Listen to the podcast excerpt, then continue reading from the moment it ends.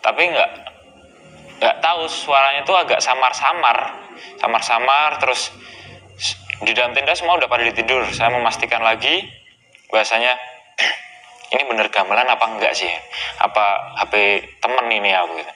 Terus nggak ada. Ternyata di dalam tenda tuh nggak ada yang hidupin HP pada saat itu.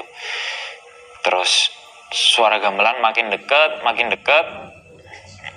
Sempet sih kayak gamelan itu tadi iring-iringan gamelan itu sempat kayak berhenti di samping tenda.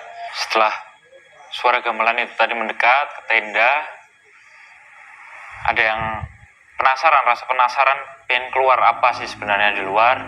Tapi mengurungkan niat untuk keluar pada saat itu karena memikirkan di tenda juga nggak memungkinkan kalau sampai rekan-rekan lain tahu di luar ada suara kayak gitu entah yang mendengar pun hanya saya ataupun rekan-rekan juga mendengar tapi pada saat itu rekan-rekan nggak ada yang bilang kalau mendengarkan suara seperti yang saya dengarkan. Saya mengurungkan niat untuk keluar pada saat itu. Setelah itu saya mencoba menjamkan mata, saya coba tidur. Nggak berlangsung lama, di sebelah saya karena saya tidur paling pojok pada saat itu, tenda itu kayak dilempar dari luar. Dan spontan saya langsung keluar, saya memastikan ini gangguan dari orang atau